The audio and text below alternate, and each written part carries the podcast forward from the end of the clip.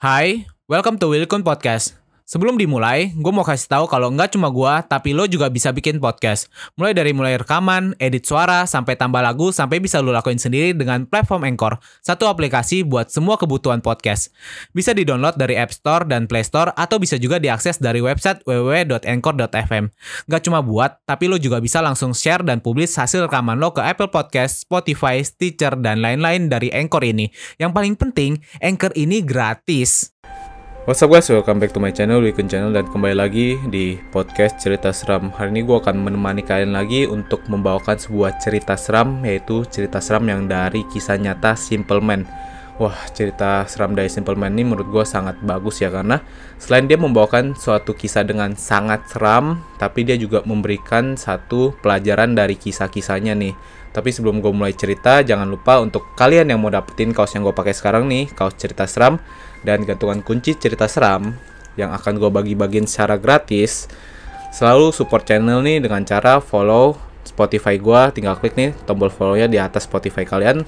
Terus kalian ke channel gue, kalian klik tombol subscribe-nya nih di pojok sebelah kanan layar kalian ya terus kalian komen kalian bilang bang udah gua subscribe nah kaos ini akan gua bagikan setiap minggunya untuk satu orang yang beruntung dan gantungan kunci ini akan gua bagikan kepada enam orang per minggunya ya guys. Jadi tunggu apa lagi langsung support channel ini dapetin hadiahnya secara gratis. So gua akan langsung ceritain cerita seram by Simple Man. Cerita seram ini berjudul diincar penghuni pabrik tua. Apa yang gue tulis ini bukan cerita sembarangan, melainkan satu dari banyak kenangan yang gak bakal pernah gue lupain seumur hidup gue. Kenangan buruk atau baik, gue gak bisa menilainya karena gue percaya di balik setiap kejadian pasti ada pelajaran berharga termasuk cerita gue ini. Sebelum baca cerita pengalaman gue ini, gue cuma mau nyampein, gue gak bisa ngasih tahu di mana atau siapa gue, karena gue mau tetap jadi seseorang yang membagi kisah atau cerita pengalaman gue dan semoga ada hikmah atau pelajaran yang bisa diambil dari cerita gue ini. Percaya atau tidak percaya, kembali lagi pada diri Anda karena apa yang gue alami benar-benar terjadi. Daripada banyak intro, gue langsung aja mulai menceritakan kisah gue. Perhatikan sekeliling, mungkin saja ada mereka di samping Anda. Kejadian ini terjadi pada tahun 2003 Gue tinggal di sebuah kecamatan dengan dua desa yang masih terjaga keasriannya. Jalan belum ada yang diaspal, jarak antara rumah tetangga terpisah jauh oleh kebun-kebun milik satu warga dengan warga yang lain. Bisa dibilang desa gue masih original. Tapi gue gak akan cerita tentang desa gue, jangan khawatir, akan ada waktunya buat cerita tentang desa gue ini. Karena yang mau gue ceritain ini jauh lebih menarik dibandingkan para penghuni desa gue. Gue sebut mereka adalah penghuni pabrik tua. Desa gue memiliki anak sungai sebagai pembatas dengan desa tetangga yang masih satu kecamatan. Jauh di hilir sungai, bila mengikuti arus air, akan ada sebuah lahan kebun tebu yang sangat luas. Gue gak tahu berapa luasnya, yang jelas, kami anak-anak desa dihimbau untuk tidak mendekatinya. Tepat di barat, ujung lahan tebu, berdirilah sebuah pabrik gula. Saat ini, pabrik itu sudah lama tidak beroperasi lagi. Pabrik gula ini memiliki luas yang juga tidak kalah besar dibandingkan lahan tebunya. Di sini banyak pekerjanya adalah warga desa kami dan desa tetangga. Konon, kabarnya, pabrik gula ini sudah ada semenjak zaman Belanda. Sehingga tidak mengejutkan bila bangunannya masih terkesan kuno di sana dan di sini. Bahkan di samping pabrik didirikan sebuah perusahaan kecil untuk para pekerja pabrik yang datang dari luar kota. Sebegitu besarnya pabrik gula ini, sampai dibuat empat zona bagian. Di ujung timur terdapat gudang utama dan pagar pembatas untuk rumah pekerja pabrik. Di bagian barat adalah kantor utama terdapat lapangan sepak bola yang dapat digunakan untuk umum dan sebuah masjid besar. Zona utara terdapat ruang produksi besarnya dua kali lipat dari zona timur dan ada lapangan tenis namun hanya untuk pribadi dan karyawan pabrik. Terdapat juga sekolah TK, gaya bangunannya bergaya Eropa. Sekolah TK ini dibuat pabrik untuk anak para pekerja dan anak umum. Nah, zona selatan yang akan jadi latar cerita gua ini adalah zona pabrik yang hampir tidak digunakan lagi. Karena dulu sebelum gua lahir, zona selatan adalah zona yang menjadi saksi kebakaran hebat sehingga tempat ini adalah tempat paling terbengkalai apa saja yang ada di zona selatan? Nah, di zona selatan adalah gudang utama sebelum pindah ke zona timur. Selain itu, ada beberapa kolam yang digunakan untuk menampung limbah. Ada juga tempat timbangan sebelum barang dikirim keluar. Semua itu adalah zona selatan ini. Namun, ya, namun zona selatan adalah zona di mana banyak kejadian misterius terjadi. Bisa dibilang, zona selatan adalah zona dengan penjagaan dari satpam yang paling rentan sehingga masyarakat desa bisa menggunakan jalan ini untuk ke lapangan atau masjid atau bahkan desa tetangga. Itu adalah sedikit gambaran tentang pabrik gula ini. Lalu, apa hubungannya dengan pengalaman gua tentang penghuni pabrik tua ini? Dari sini gua akan memulainya. Seperti yang gue bilang tadi, kejadian ini terjadi pada tahun 2003. Waktu itu gue masih menginjak bangku SD kelas 3 gue cuma anak-anak biasa yang tumbuh seperti anak-anak lainnya. Namun, entah apakah saat itu adalah hari sial bagi gue, karena ada sesuatu yang lain yang tampaknya tertarik dengan gue. Gue masih ingat dengan jelas hari itu adalah hari Kamis sore. Ada kebiasaan yang anak-anak desa gue lakuin setiap sore menjelang maghrib, yaitu main bola di lapangan. Masalahnya, Gak ada lapangan di desa gua, hanya pohon rindang dan perkebunan warga. Jadi akhirnya kami menggunakan lapangan lain. Kami menyebutnya dengan lapangan pabrik. Lapangan pabrik adalah sebuah lapangan yang dibangun oleh pabrik awalnya untuk para karyawan. Namun, bergesernya menjadi lapangan untuk para warga dan saat ini lapangan itu untuk umum. Karena lapangan pabrik ada di zona barat, sedangkan letak desa gua jauh di timur pabrik, maka kami harus memutar untuk sampai ke lapangan dan zona selatanlah yang paling dekat bila ditempuh dengan jalan kaki. Terdapat jalan setapak dari aspal di zona selatan. Maka ketika kami melewati jalan itu, kami bisa melihat dengan jelas bangunan gudang-gudang tua yang dulu pernah menjadi saksi tragedi kebakaran hebat, juga kolam-kolam limbah bekas pabrik. Sejujurnya, para orang tua di desa gua tidak menganjurkan kami melewati zona selatan pabrik karena konon tempat itu adalah tempat yang angker untuk dilewati anak-anak. Namun daripada kami harus jalan memutar yang lebih jauh, kami akhirnya tetap memilih jalur itu. Kami sampai di lapangan jam setengah empat sore dan akan pulang sebelum azan masjid dekat lapangan berkumandang. Waktu itu kami kasihkan bermain sehingga ketika kami sadar azan maghrib berkumandang dan hari sudah petang, kami segera mengakhiri permainan dan berduyun-duyun untuk pulang. Ke mana kami lewat? Ya, jawabannya zona selatan yang waktu itu sangat-sangat gelap dan mencekam. Padahal itu masih jam setengah enam sore, kami berusaha menjaga lisan dan sikap saat melewati jalan itu, seperti perintah orang tua kami. Setelah melewati bangunan tua gudang lama, kami sampai di kolam limbah. Di sini, gue jadi ingat sebuah cerita yang pernah gue dengar dari bapak dahulu. Ada seorang karyawan pabrik yang membawa anaknya untuk memanen tanaman singkong di samping kolam limbah. Anaknya masih kecil, mungkin seusia gue waktu itu ketika orang itu asik memanen singkong. Tanpa sadar, anak yang beliau bawa tiba-tiba menghilang. Beliau panik, ya sangat panik. Sang ayah terus mencari tanpa disadari hari mulai gelap, dan dia masih belum menemukan di mana keberadaan anaknya. Hal ini segera dilaporkan pada satpam yang berjaga saat itu, kemudian hal ini segera menyebar dan banyak karyawan yang ikut membantu. Sebegitu banyak karyawan yang ikut membantu, tidak membuat sang anak yang menghilang ketemu. Kemudian, seseorang berkata mungkin saja anak itu jatuh ke kolam limbah. Sang ayah membantah karena kolam limbah itu ditutup oleh pagar kawat sehingga tidak mungkin dapat ditembus. Setelah perdebatan dan masih mencari, datanglah mandor yang kebetulan baru mendengar musibah itu. Beliau bertanya di mana terakhir melihat anaknya. Lalu sang mandor hanya mengangguk. Kata bapakku, mandor ini adalah orang yang pintar dan bisa melihat hal-hal di luar logika. Sang mandor kemudian pergi ke sebuah pohon yang besar di dekat kolam limbah. Setelah kembali, wajah sang mandor tampak bersimpati. Beliau hanya berkata, "Sudah ikhlaskan ya, Pak." Mendengar itu, semua orang yang bingung termasuk sang ayah tampak emosi. Kemudian Mandor menjelaskan bila anak itu ada yang mengambil, dan sekarang dia sudah gak ada atau meninggal, terjatuh di dalam kolam limbah. Ayahnya masih tidak percaya dan meminta bukti bila beliau itu benar. Mendengar itu, Mandor itu hanya mengatakan, tunggu tujuh hari. Selama tujuh hari di tempat itu diadakan pengajian dipimpin sang mandor dan juga penguburan kepala kerbau entah untuk apa karena kata bapak Mungkin kepala kerbau itu untuk mengganti jasad sang anak yang dibawa oleh mereka.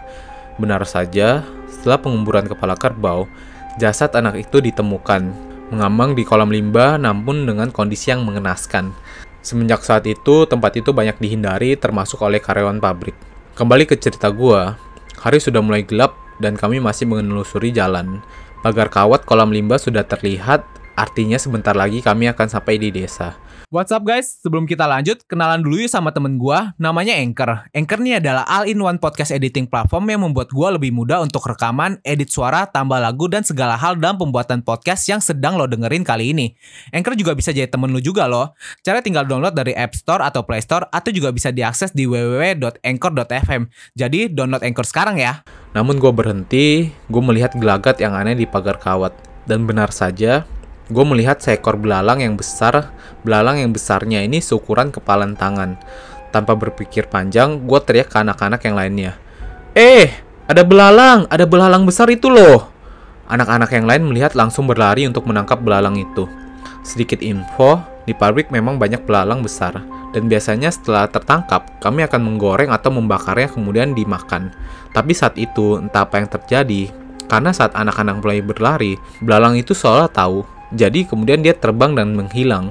Kami semua kecewa dan akhirnya melangkah pulang. Namun siapa sangka, hanya karena hal sepele itu malah mendatangkan malapetaka untuk gua dan keluarga gua. Sebelumnya, gue cuma mau ngelurusin pabrik yang gue ceritain ini bukan pabrik gula Kalibagor. Alasannya kenapa gue pakai foto itu, karena pabrik gula Kalibagor adalah pabrik yang hampir menyerupai pabrik yang gue ceritakan ini. Dari bangunan sampai cerobong asapnya, Sedangkan pabrik yang gue ceritain ini berlokasi di Jawa Timur dan saat ini sudah diratakan dengan tanah dan mulai dibangun perumahan. Oke, lanjut. Sampai di rumah, gue mandi, sholat maghrib, kemudian pergi mengaji. Gue mengaji di sebuah surah di dekat rumah, gak ada hal-hal istimewa yang terjadi sampai setelah mengaji. Temen gue yang sebut saja namanya Enda menghampiri gue. Enda itu cowok, tetangga sekaligus temen mengaji gue. Dia jarang ikut anak-anak desa main bola atau sekedar main bareng-bareng Gue gak tahu alasannya apa, tapi semua anak tahu kalau Enda itu anak yang aneh. Aneh di sini maksudnya, dia gak kayak anak biasa. Dia lebih suka sendirian. Beberapa anak menyebutkan kalau rumornya Enda bisa melihat hal-hal begituan. Gue sendiri kalau memandang dia biasa aja. Karena dulu waktu TK, gue sering berantem sama dia. Tapi soal dia bisa lihat, gue rada gak percaya. Sampai dia tanya sesuatu yang ganjil sama gue. Kejadiannya waktu itu gue mau pulang.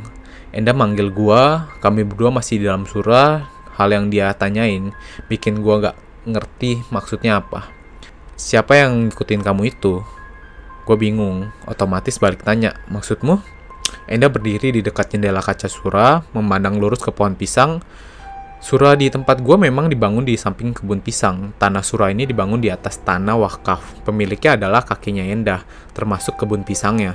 Enda masih memandang pohon pisang itu terus bilang, ada anak kecil ngikutin kamu dari tadi, kata Enda. Gue merinding mendengarnya, gue ikut-ikutan memandang kebun pisang, tapi gue gak lihat apa-apa selain pohon pisang dan lahan gelap gulita. Bohong kamu, kataku seperti itu. Enda sekarang ganti memandang gue, wajahnya masih serius. Kalau aku jadi kamu, aku gak mau pulang. Kayaknya anak itu nungguin kamu.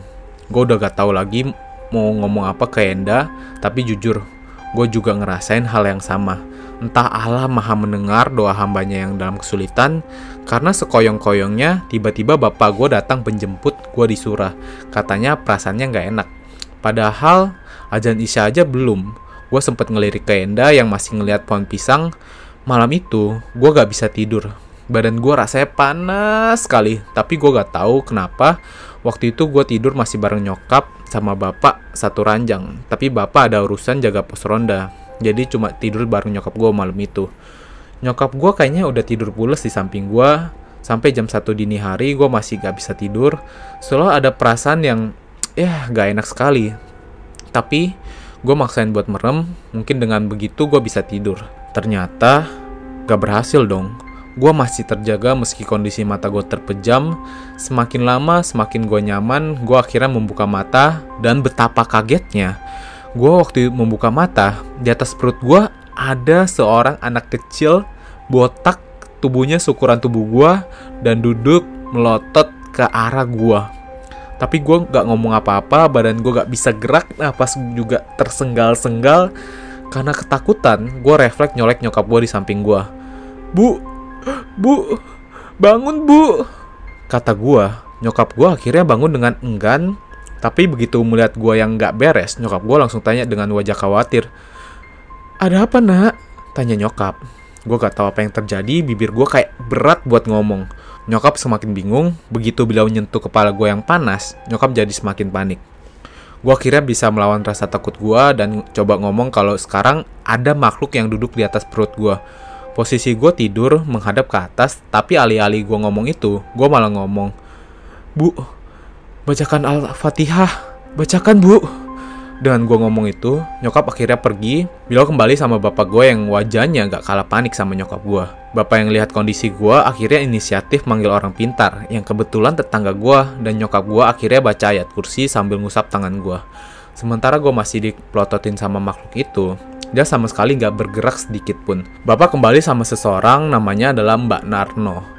Beliau adalah tua dan juga seorang orang pintar yang buka praktek pengobatan alternatif. Tepat ketika Mbak Narno datang, anak kecil itu langsung melotot sama beliau.